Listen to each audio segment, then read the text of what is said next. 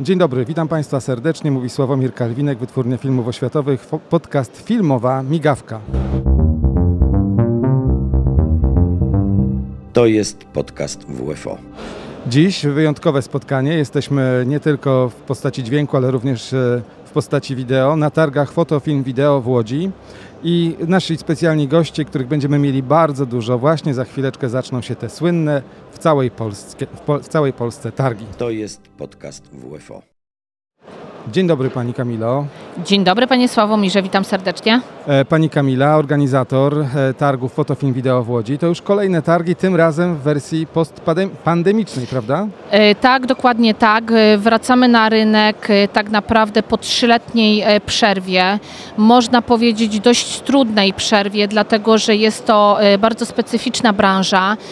Branża ze sprzętem, z którym były problemy i nadal tak naprawdę po niektórych rozmowach z firmami ten problem istnieje, aczkolwiek nie ukrywam, że bardzo się cieszę, że mogliśmy się spotkać e, właśnie tutaj w tym miejscu w hali Expo e, z firmami, z partnerami e, i udało nam się stworzyć to wydarzenie. To jest impreza, która jest tak naprawdę przeznaczona dla ludzi, którzy zajmują się różnego rodzaju rejestracją, przetwarzaniem, wysyłaniem obrazu i dźwięku. Kogo można tutaj zobaczyć? E, tak naprawdę w, podczas tegorocznej edycji targów gościmy ponad 100 marek e, wiodących producentów i dystrybutorów sprzętu i akcesoriów fotograficznych, audio i wideofilmowych. E, mogłabym tutaj pewnie wymieniać, bo to nie tylko aparaty fotograficzne, obiektywy, ale również różnego rodzaju usługi, druk wielkoformatowy, drony i tak naprawdę wiele, wiele innych doskonałości. E, myślę, że tak naprawdę zarówno profesjonaliści, jak i pasjonaci, e, którzy e, kochają film, fotografię, znajdą na targach coś dla siebie, ponieważ nie ukrywam, że targi to nie tylko szeroka oferta i bogata, ale również szereg imprez towarzyszących, warsztatów, prelekcji, spotkań z osobami z branży, profesjonalistami, a to wszystko tak naprawdę uwieńczone jeszcze pięknymi wystawami fotograficznymi. Co się zmieniło po tych trzech latach od chwili, kiedy rozpoczęła się pandemia i teraz mamy kolejne otwarcie targów? Czy, czy zauważa Pani jakieś tendencje, których wcześniej nie było? E, myślę, że tak naprawdę sporo firm e, troszeczkę zmieniło e, swoją branżę, albo musiało tą branżę ukierunkować troszeczkę w innym kierunku, tak? Bo mówię, to jest bardzo specyficzna branża i niestety żeby przetrwać, niektóre firmy musiały zrobić e, jak gdyby mm, coś dodatkowego. E, ale mm, tak naprawdę bardzo się cieszę, że mimo wszystko jest dużo nowości, premier na targach. I, I, dlatego serdecznie zapraszam do odwiedzenia. Ja zauważyłem, że troszeczkę zmienił się, że tak powiem, przekrój ludzi, którzy nas odwiedzają. Widzę, że to są bardziej ludzie, którzy są związani e, zawodowo, naprawdę profesjonalnie. Być może to jest związane z tym, e, profesjonalnie jest właśnie z przetwarzaniem obrazu i dźwięku, rejestrowaniem obrazu i dźwięku. Być może to jest właśnie kwestia tego typu, że w tej chwili jest czwartek, dzisiaj mamy czwartek, pierwszy dzień targów i to chyba jest ten e, czas, kiedy przychodzą profesjonaliści. Tak, dokładnie tak. Rzeczywiście targi trwają trzy dni, natomiast czwartek jest takim stricte dniem skierowanym dla osób profesjonalnych, e, profesjonalnie zajmujących się e, fotografią, przetwarzaniem dźwięku, tak jak Pan wspomniał, i osobami, które rzeczywiście stricte są związane z tą branżą. Jak można zachęcić jeszcze potencjalnych gości do tego, żeby przyszli tutaj do nas do, do hali targowej? Ja powiem tylko jedno. Tak naprawdę jest to miejsce, w którym możecie Państwo zobaczyć, przetestować bądź zakupić sprzęt, y, którego tak naprawdę no, nie jesteście w stanie y, zobaczyć w sklepach, a y, umówmy się, wiedza, którą mają osoby będące na, na stoiskach, reprezentujące firmę, to jest wiedza tak naprawdę, której nie zdobędziemy w internecie. A my tutaj jako Wytwórnia Filmów Oświatowych w Łodzi i podcast e, Filmowa Migawka zapraszamy również serdecznie do oglądania naszych podcastów, ponieważ część spośród tych wystawców będzie zaproszona do, do naszego studia i będziemy rozmawiali i pokazywali niektóre z tych, e, tych produktów. Oczywiście wszystkiego nie pokażemy, nie jesteśmy w stanie, bo nic nie zastąpi wizyty właśnie tutaj e, w hali Expo w Łodzi na targach Fotofilm Wideo. Dziękuję. Naszym gościem była pani Kamila Berezińska, która jest organizatorką tych właśnie targów. Dziękuję bardzo i zapraszamy serdecznie.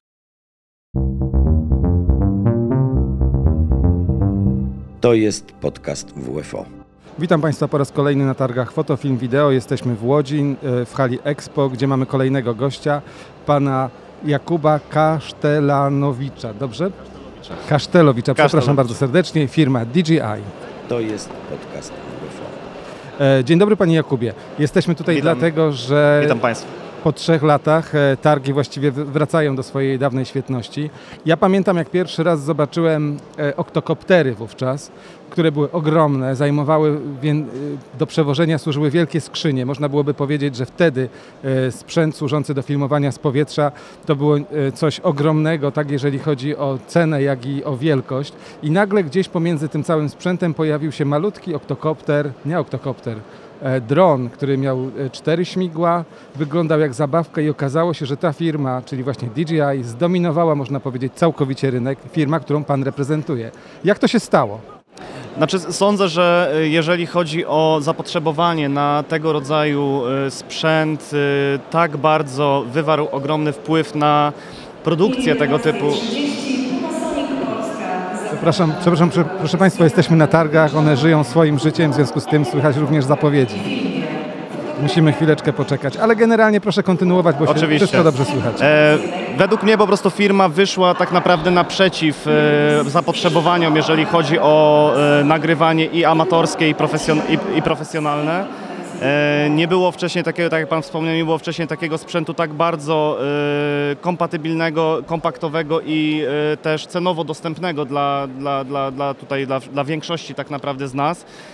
Palety dronów w tym momencie cenowe są od e, 2000 do wiadomo, do, już do, do sufitu leci, ale jak najbardziej sprzęt dla każdego i to, że w bardzo łatwy sposób jesteśmy w stanie e, taki e, film amatorski czy nawet z wakacji nagrać, e, pokazuje to, e, jak bardzo chętnie tutaj e, no, te sprzęty są kupowane i w zasadzie DJI rzeczywiście, tak jak Pan wspomniał, zrewolucjon- zrewolucjonizowało trochę e, ten rynek z, z racji, wydaje mi się, na bardzo dobrą cenę do jakości i na małe gabaryty tego sprzętu. My jesteśmy producentem wielu filmów e, przyrodniczych, które są również realizowane za pomocą zdjęć z dronów i ja myślę, że no, wasza firma zdominowała przemysł. I to nie tylko ten profesjonalny, co jest e, zaskakujące, bo wydawać by się mogło, że e, często trafialiście do tego średniego rynku. E, internetowy, no, telewizyjny, to jest niesamowite. A ostatnio pojawił się nowy produkt, prawda, który jak widziałem w różnych zapowiedziach, no, zapowiada się na coś bardzo, bardzo profesjonalnego z kolei. Oczywiście mamy tutaj na stoisku, udało nam się e, tutaj e, zaprezentować dla Państwa nowego drona Inspire 3. W zeszły czwartek miał premierę parę dni temu. E, No, w momencie, kiedy były informacje, że taki dron ma powstać, nie sądziliśmy, że to będzie aż taki przełom. Oczywiście Inspire 2 e, był już wyszedł jakiś czas temu i dalej był chętnie używany przez, przez wiele profesjonalnych firm filmowych. Natomiast wydaje mi się, że Inspire 3, y, że tak powiem, jest godnym następcą i naprawdę zrewoluc- zrewolucjonizuje y, profesjonalny przemysł filmowy dronowy. Ja widziałem zdjęcia z tego właśnie drona i one wyglądają naprawdę filmowo. Na czym polega rewolucja, rewolucyjność tego produktu? E, Zdecydowanie e, o wiele lepsze właściwości, jeżeli chodzi o kamerę, e, jeżeli chodzi o lot. Jesteśmy w stanie praktycznie w każdy sposób tego drona zaprogramować, że jeżeli jesteśmy w stanie trasa po trasie, centymetr po centymetrze odtworzyć tysiąc razy dokładnie tą samą trasę na poczet jakiegoś konkretnego ujęcia, który chcemy, żeby wyszło, żeby wyszło idealnie. Nowa funkcja właśnie Waypoint Pro na to, na, na, to pozwala. Wydłużony czas lotu. y, Standardowa rzecz, jeżeli chodzi o DJI przy kolejnych, y, kolejnych y, dronach, bo też tak naprawdę w sprzęcie filmowym zawsze można dołożyć lepszą kamerę, zawsze można dołożyć Można, tylko że tutaj jest wszystko zintegrowane i bardzo, wydaje mi się, łatwe w obsłudze. E, Tak, oczywiście. Ja mówię o tym, że zaprojektować drona można w taki sposób, że zawsze można dołożyć coś lepszego. Natomiast tutaj wydaje mi się, że kolejne lata będą e, dla, e, dla tego typu sprzętu kluczowe pod względem jednak długości lotu na jednej baterii, bo bardzo dużo osób, firm pyta się właśnie, to jest pierwsza rzecz tak naprawdę, która, którą, którą, o którą tutaj dostajemy informacje, o, zapytania od innych firm, jak długo ten dron jest w stanie lecieć, e, żeby wykonać pewnego rodzaju jakieś zadanie, czy to misję, czy chodzi o drony takie filmowe, czy chodzi o drony inne e, specjalistyczne. No właśnie, porozmawiajmy o tych zastosowaniach innych, bo przecież DJI to jest firma, która moim zdaniem zrewolucjonizowała to, co dzieje się za naszą wschodnią granicą. To jest też nie tylko sztuka, ale tutaj się okazało, że sprzęt do filmowania stał się sprzętem, no powiem tak, który przeważył szale wojny. E, Też nie byłem, nie spodziewałem się tego, że, że, będę, e, że będę sprzedawał tak naprawdę sprzęt, który, tak jak Pan wspomniał, służy głównie do filmowania. E, W tym momencie za wschodnią granicą to jest sprzęt, który ratuje życie. Także Może powiedzmy dla Państwa, którzy nie, jakby nie zdają sobie do końca sprawy, co się dzieje, to są sprzęty, które są e, zaprojektowane do tego, żeby filmować e, e, z góry różnego rodzaju obiekty, a w, tak naprawdę służą w armii ukraińskiej do celów zwiadowczych. do celów zwiadowczych i nawet nie tylko, bym powiedział, bo no, też są w stanie mieć wykorzystanie bojowe. Natomiast y, y, jeżeli chodzi o z, zwiat, to, to jest, y, że tak powiem, y, narzędzie, które jest, daje nieporównywalnie ogromną przewagę i szansę tak naprawdę, e, której ci ludzie bez tych dronów by nie mieli. Dzień dobry, witam Państwa po raz kolejny w filmowej migawce, podcaście Wytwórni Filmów Oświatowych w Łodzi. To jest podcast WFO. Jesteśmy ciągle na targach Fotofilm Wideo w Łodzi i mamy kolejnego gościa. Dzień dobry Panu. Dzień dobry, Jan Przybysz, firma Nikon. E, proszę mi powiedzieć, e, Nikon to jest firma, która e, słynie z, ze sprzętu do rejestracji e, obrazu. E, Jest bardzo silnie związana również z Wytwórnią Filmów Oświatowych w Łodzi, ponieważ jako organizator festiwalu, Międzynarodowego Festiwalu imienia Włodzimierza Puchalskiego, Festiwalu Filmów Przyrodniczych i fotografii, fotografii przyrodniczej, jesteście naprawdę firmą, która zapewnia możliwość zrealizowania tych produkcji. E, Co takiego dzisiaj pokazujecie na targach? No, dziś na targach mamy pełen asortyment naszej e, oferty, czyli mamy i od aparatów z matrycą APS-C takich dla osób początkujących, po najbardziej zawodowe aparaty i obiektywy właśnie między innymi dla fotografów czy filmowców przyrody. E, Sprzęt, który pozwala nagrywać filmy czy w rozdzielczości Full HD, czy 4K, czy nawet 8K. Do tego oczywiście odpowiednia optyka, od obiektywów szerokokątnych po długie obiektywy, tak jak tu mam ze sobą obiektyw. No właśnie, niech Pan pokaże, co Pan przyniósł, bo to jest niesamowite. To jest akurat obiektyw 400 mm o świetle 4.0 z budowanym telekonwerterem, podłączony do naszej flagowego modelu Z9 i tutaj możemy nagrywać w 8K, robić 20 zdjęć na sekundę i w tym połączeniu do przyrody rewelacyjne.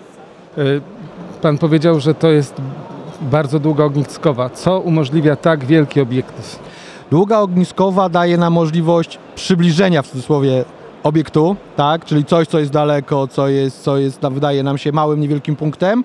Przy takiej ogniskowej jest blisko nas, mamy dobrą jakość optyczną, mamy wszystkie szczegóły, czy fotografii e, zwierząt, czy fotografii e, jakichś me- elementów.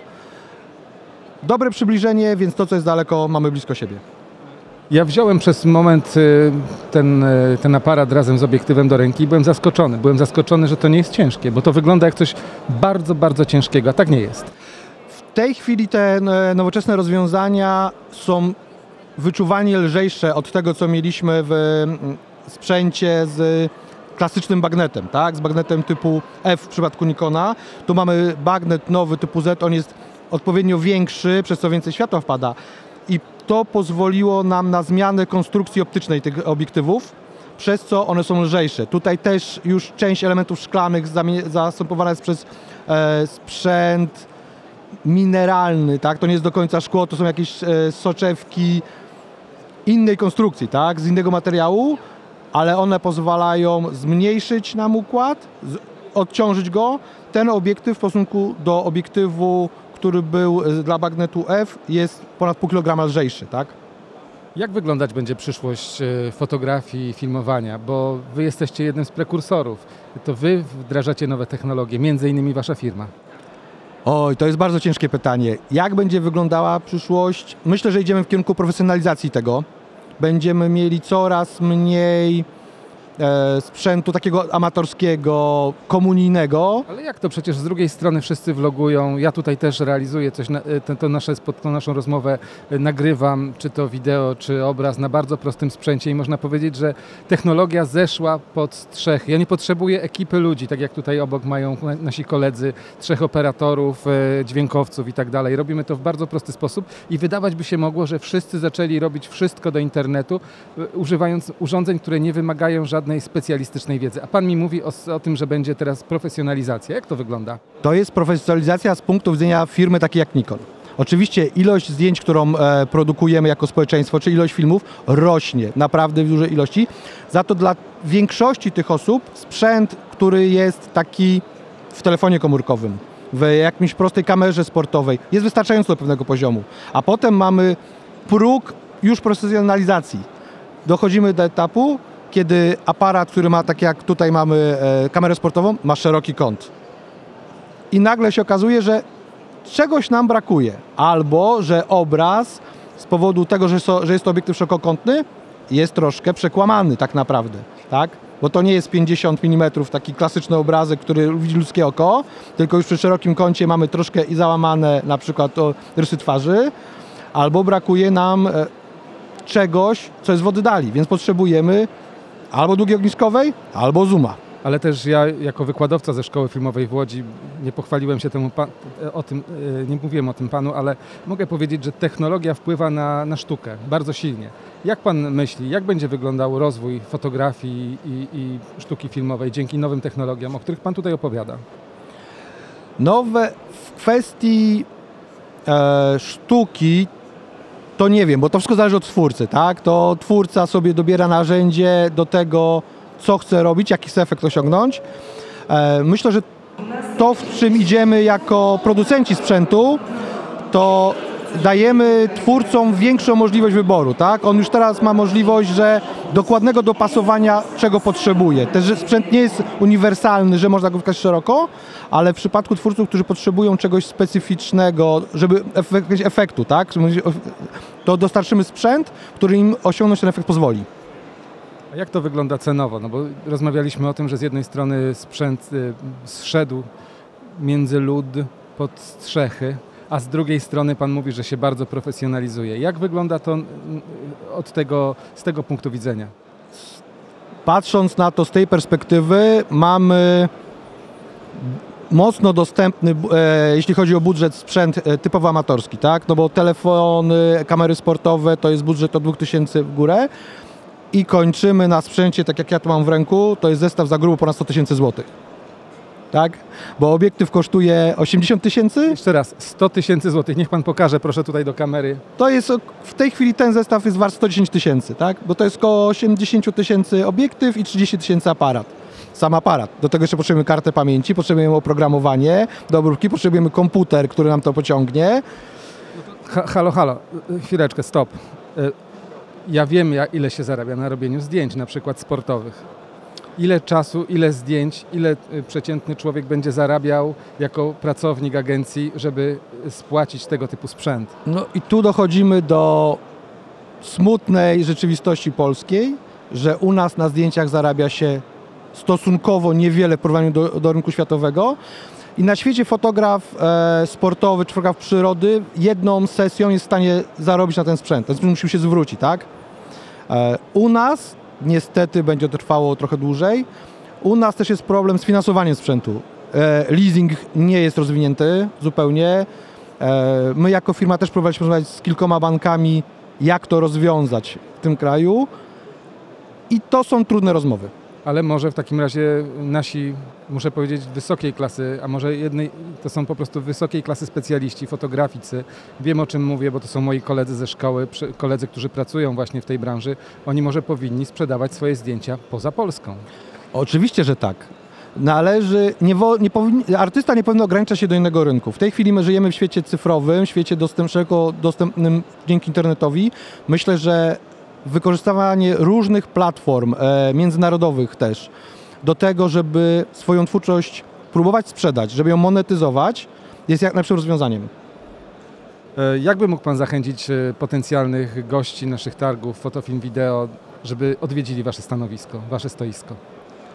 E, Jeśli szukacie Państwo nowych rozwiązań, jeśli chcecie Państwo zobaczyć to, co jest e, nowego w ofercie Nikona, łącznie z najnowszymi produktami ogłoszonymi w zeszłym tygodniu, czy nawet wczoraj, to zapraszamy serdecznie. Mamy ten sprzęt, chętnie go Państwu pokażemy, opowiemy, jak nim robić zdjęcia, jak nim foto, e, robić filmy.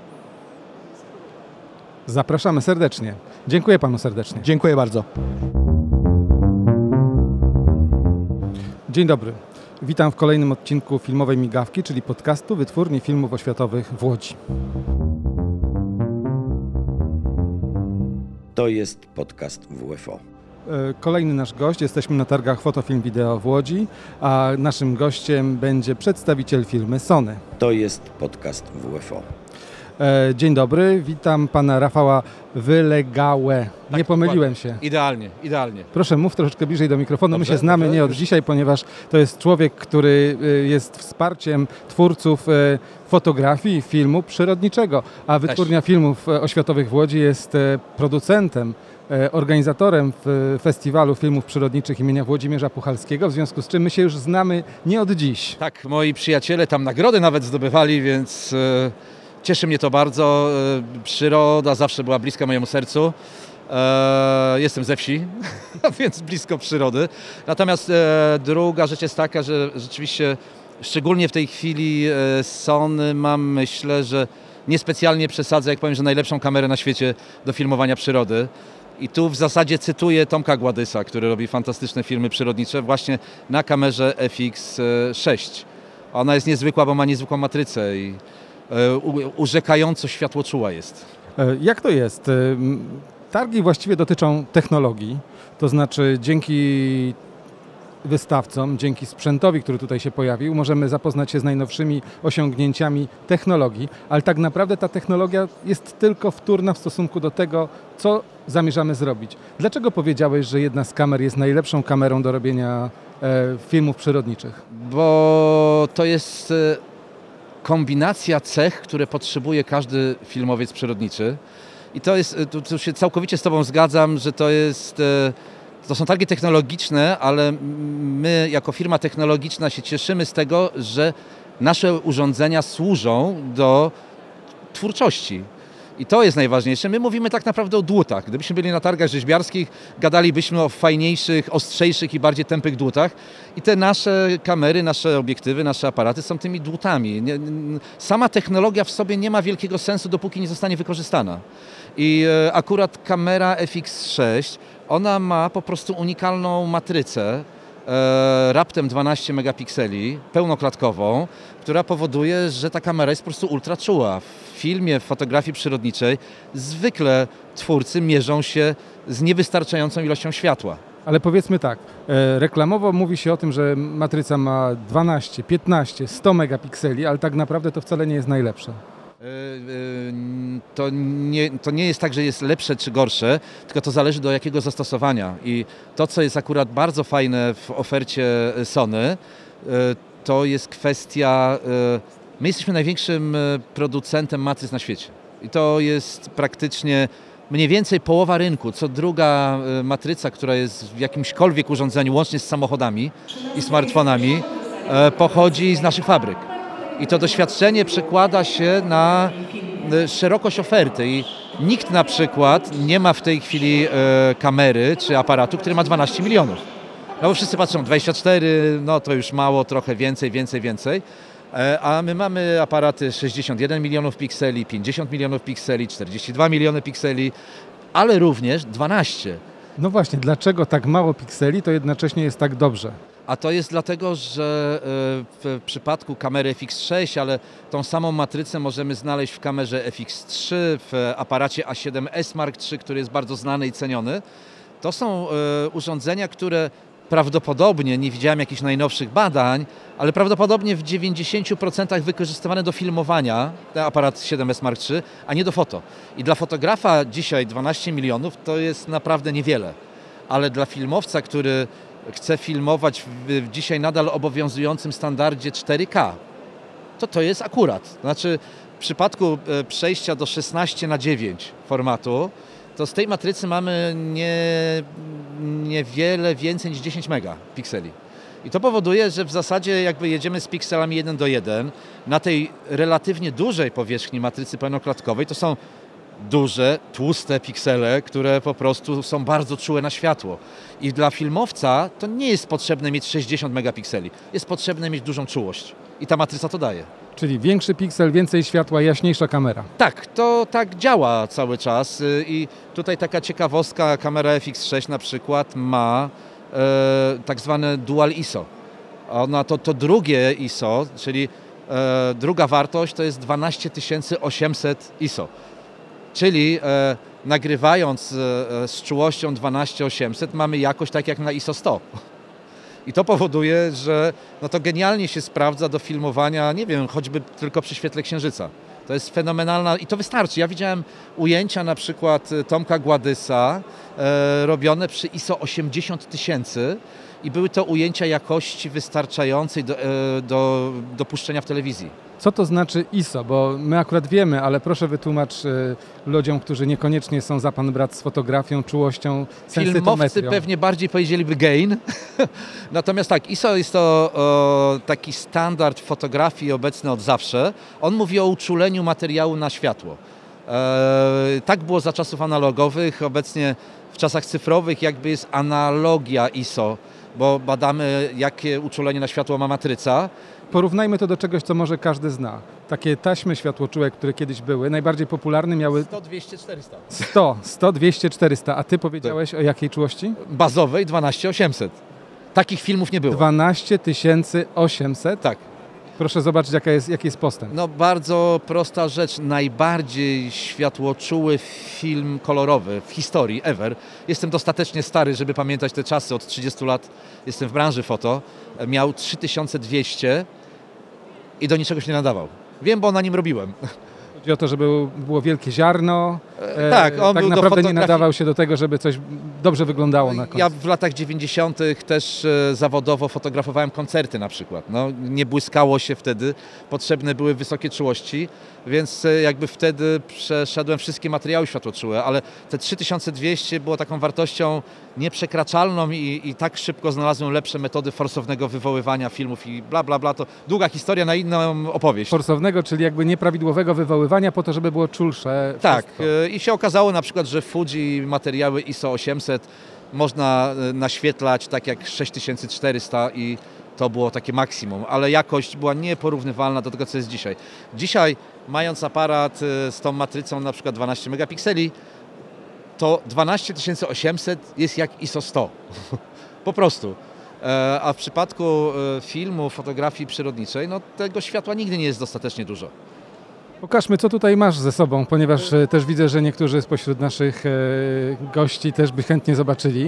E, Przy, Może pan tylko akurat wywiad w tej chwili Akurat prowadzimy. prowadzimy Jeżeli pan chce, może pan być zaproszony do rozmowy.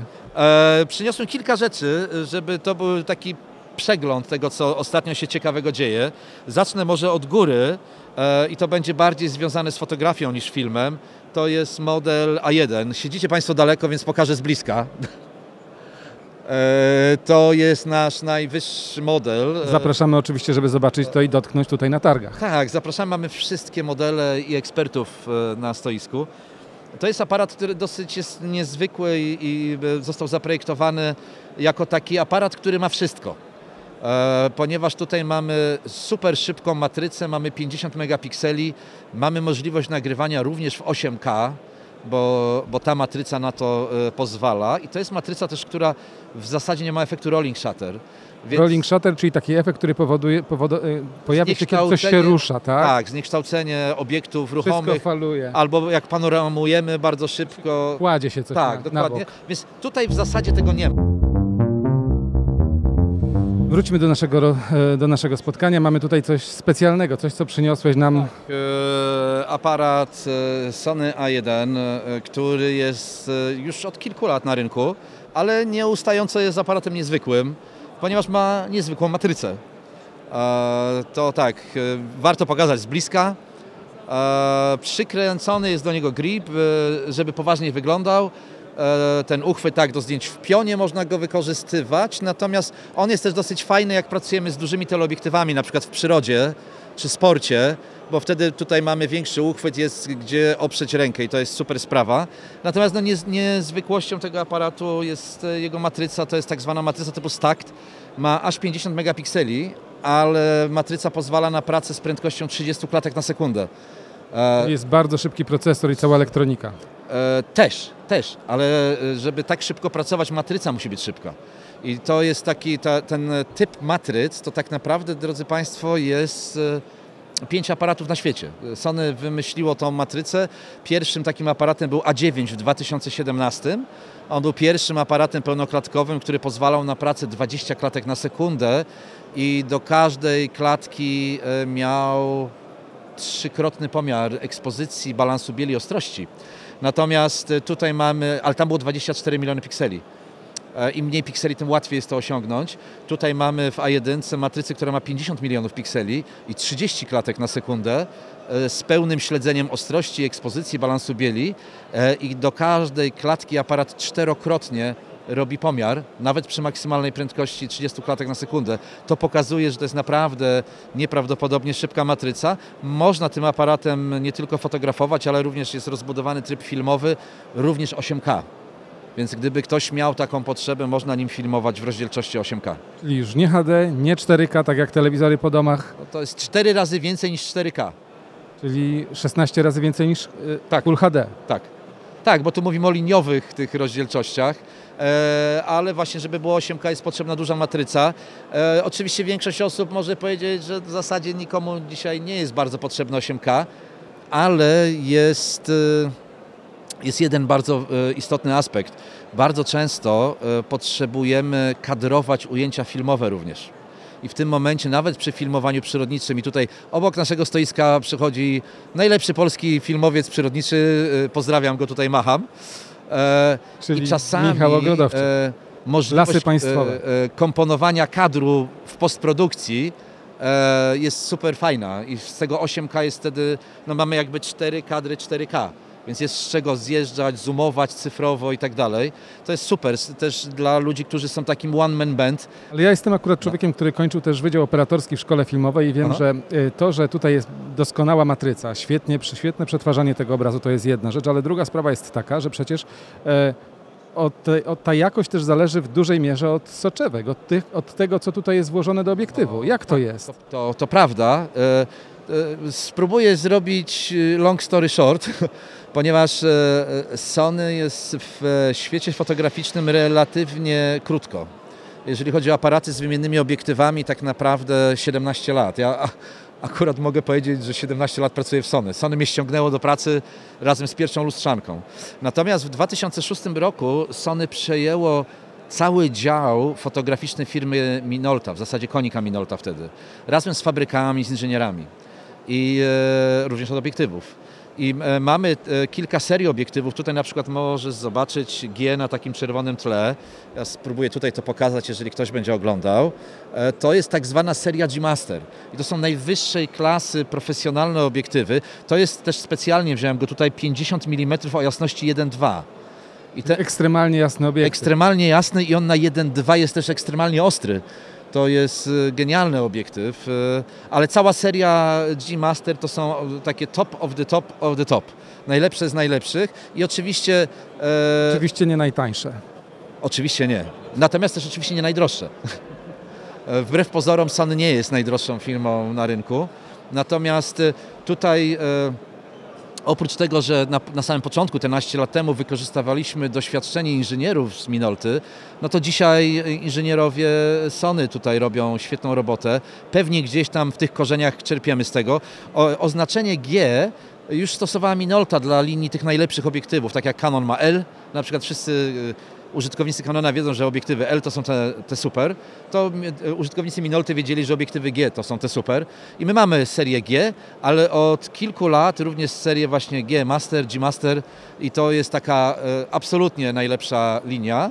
I tutaj jakby nie ma wątpliwości, że to są obiektywy, które spełniają wszystkie możliwe wymagania, jakie można przed obiektywem fotograficznym postawić. Co można sfotografować takim obiektywem? Do czego to służy?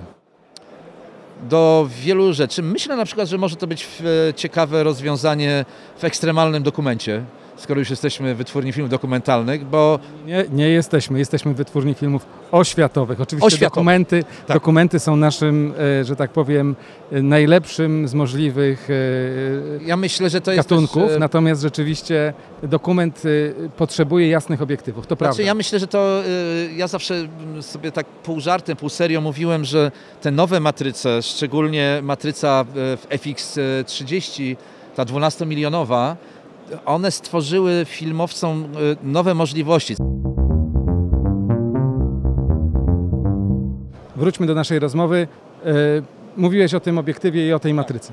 Znaczy, wracając do obiektywów, e, to myślę, że jedną z takich rzeczy, które na przykład są kluczowe dla naszych inżynierów i to na pewno jest dziedzictwo Minolty, to jest duże przywiązanie do wyglądu i charakteru bokechu, czyli tych nieostrych e, elementów. Czyli takich kółeczek, które są rozświetleniami z tyłu na przykład w tle. To tak, to w pewnym uproszczeniu chodzi o tą miękkość, którą możemy mieć z tyłu i e, seria G jeszcze za czasów Minolty zawsze słynęła z bardzo eleganckiego, takiego nienarzucającego się miękkiego obrazu w tle. I to nadal towarzyszy e, projektom e, naszych inżynierów, to to się udaje. To zależy w dużej mierze od e, obiektywu, ale też od kształtu e, tych listków, które są e, tak. iris, tak. czyli przysłoną. Tak, nie, tak. Nie, to jest iris. Przysłona, tak. tak, tak. Dokładnie, to, to trafiłeś w punkt, ale to, to, bardzo mocno zależy od budowy optycznej, znaczy od tego, jak te soczewki tam są skonstruowane. Dzisiaj oczywiście jest to wspomagane komputerowo i ten obiektyw 1, 2, 5, 80, który tutaj mamy, on jest świetnym przykładem na coś, co jeszcze, jeszcze jakiś czas temu nie bardzo było możliwe, bo kiedyś obiektywy były 1.2, ale one na 1.2 były bardzo miękkie i wtedy było wiadomo, że no fajnie, można robić, e, ale obraz nie będzie bardzo ostry. Krawędzie nie są ostre. E, ale tak. Sony ma takie coś, powiem to jako operator, że wy, wyostrza troszeczkę elektronicznie ten, na, na krawędziach. Troszeczkę jest Znaczy takiego... nie, to wszystkie firmy mają, to można włączyć, wyłączyć, regulować, to jest e, tak naprawdę plus minus 5 stopni. Nie, Czyli możesz wyostrzyć albo osłabić. Przy filmie to takie super ostre nie jest najistotniejsze, czasami wręcz przeszkadza. E, Ale a propos filmowania i a propos operatorki, to chciałem wspomnieć o jeszcze jednym urządzeniu bardzo fajnym, który ma kilka ciekawych cech. Tutaj To specjalnie... już jest legenda, ten aparat, ten, E, ten, ten, ten, ta E, kamera. Te, ta jeszcze nie, będzie. To, to będzie legenda. To jest FX30, prawdopodobnie myślałeś FX3. FX3 to rzeczywiście już jest legenda, to jest kamera FX30, ona wygląda identycznie. To jest rzeczywiście, gdybym sam nie przeczytał tutaj napisu, to bym powiedział, że FX3, bo jest oparte na identycznym korpusie. Natomiast e, FX3 ma matrycę 12 megapikseli, ale to jest kamera, która kosztuje no, nieco ponad 20 tysięcy złotych. Natomiast Sony pomyślało, że może warto wykorzystać te rozwiązania z FX3 na, dla zrobienia tańszego urządzenia z matrycą APS-C. E, filmowcy powiedzieliby super 35 mm. No, no i to jest o połowę tańsze. Jakby ma w, e, prawie wszystkie, znaczy inaczej, wszystkie elektroniczne cechy FX3, tylko matrycę mniejszą, więc nie jest tak światłoczułe.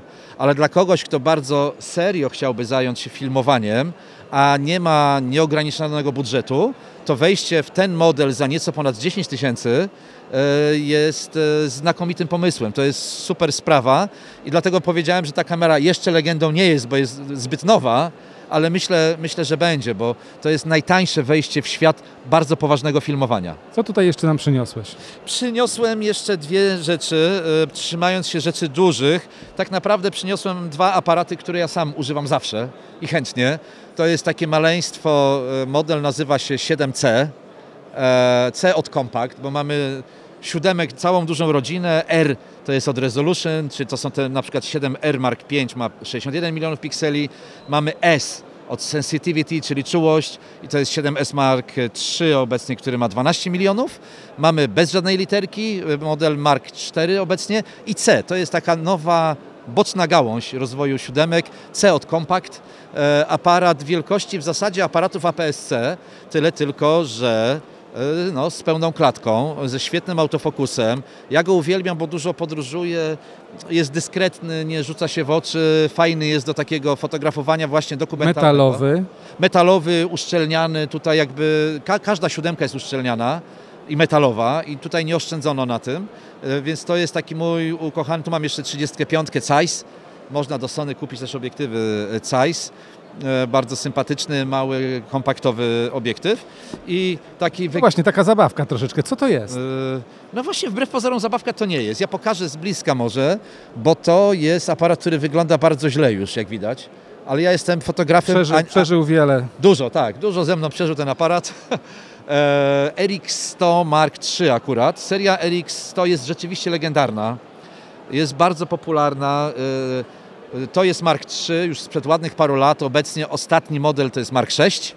E, Natomiast Mark III, Mark IV i Mark V, one mają bardzo ciekawy obiektyw, bo tu jest, e, włączę może ten aparat, ożywię bestię, e, bo to jest odpowiednik na pełnej klatce 2470 1.8 do 2.8. E, To jest bardzo fajna rzecz. Czyli uniwersalny aparat do wszystkiego, Prawie. który mieści się w tylnej kieszeni sportu. Prawie, tak. Znaczy to jest, ja, ja y, nie wychodzę z domu bez Erixa 100 mojego. E, Wcześniej przez 8 lat używałem pierwszej wersji, aż nie zajechałem go na śmierć tak po prostu. Zużyłem aparat, muszę powiedzieć, e, intensywnie używając. Natomiast tu jest też druga cecha, jest matryca typu 1 cal. On wygląda jak taki zwykły aparat kompaktowy, ale to nie jest zwykły aparat kompaktowy. Mamy tu rawy, mamy wszystkie PASM, wszystkie tryby pracy, jak w zawodowym aparacie. Mamy też zdjęcia seryjne. Natomiast taka matryca typu 1 cal, ona jest kilkukrotnie większa fizycznie w stosunku do matryc w małych, zwykłych kompaktach. I różnica w jakości jest przepasna. Temu aparatowi jest dużo bliżej jakościowo do aparatów APS-C z wymiennymi obiektywami niż do kompaktów. On tylko tak niepoważnie wygląda, ale to jest bardzo poważny aparat. Skończmy już z tą technologią. Ostatnie Tak. pytanie mam. Po trzech latach nieobecności, po powrocie do Łodzi na targi Fotofilm Video, jak oceniasz rynek? Co się zmieniło? Zmieniło się bardzo dużo. Cieszę się, że tu wróciliśmy, bo e, pierwszego dnia, czyli dzisiaj jak na razie czas w dużej mierze schodzi mi na e, przyklepywaniu piątki, ściskaniu się z ludźmi, których dawno nie widziałem i to jest super sprawa. E, Natomiast e, rynek e, wbrew pozorom przestał się kurczyć. E, Nie jest, e, ta, ta tendencja ma- malenia rynku nie jest już e, utrzymana, natomiast rynek się coraz bardziej profesjonalizuje. To znaczy mamy e, coraz większą i szerszą ofertę dla zaawansowanych amatorów i zawodowców i zaawansowanych e, amatorów filmowania i profesjonalistów filmowania. I to widać ewidentnie po ofercie na rynku. Widzę to też po tym, co nam się sprzedaje i widzę to też po tym, że no jesteśmy jednym z liderem rynku, bo mamy tą ofertę wyjątkowo szeroką i dobrze dopasowaną do dzisiejszych potrzeb. Jak zachęcić, e, żeby tutaj widzowie przyszli? Potencjalni, e, e, nie wiem jak to nazwać, no, kupujący chyba tak naprawdę. E, Nawet jeżeli ktoś nie zamierza dzisiaj kupić, e, a jest fotoamatorem zaawansowanym czy zawodowcem, to warto trzymać mniej więcej przynajmniej rękę na pulsie rozwoju technologii. Bo tutaj zrobię taką paralelę do tego, od czego zaczęliśmy, że mówimy o narzędziach, takich dłutach czy maszynach do pisania. Nawet w młotkach. Ja mówię, a- że młotkach. a nawet młotkach i w tych młotkach się dużo dzieje. I teraz e, e, z punktu widzenia fotoamatora dobrze jest wiedzieć, co w trawie piszczy i co fajnego się dzieje w droższych, tańszych rzeczach, bo to może być przydatne do robienia coraz lepszych zdjęć, a z punktu widzenia profesjonalnego fotografa czy filmowca, to to może, może tutaj dotknąć, porozmawiać z ekspertami, co aktualnie dzieje się w tym rynku, bo to może mu zapewnić przewagę technologiczną nad konkurencją. I dlatego tu możemy sobie dużo różnych rzeczy opowiadać, ale z punktu widzenia profesjonalisty, foto czy wideo, to dobrze jest wiedzieć, co jest teraz takiego aktualnego, dobrego, bo to może powodować, że jesteśmy lepsi albo możemy dać lepszą ofertę niż nasza konkurencja, która nie trzyma ręki na pulsie nowych technologii. E, dziękuję bardzo za wywiad. Naszym gościem był Rafał Wylegała z Sony. z Sony Było mi bardzo miło. Dziękuję bardzo.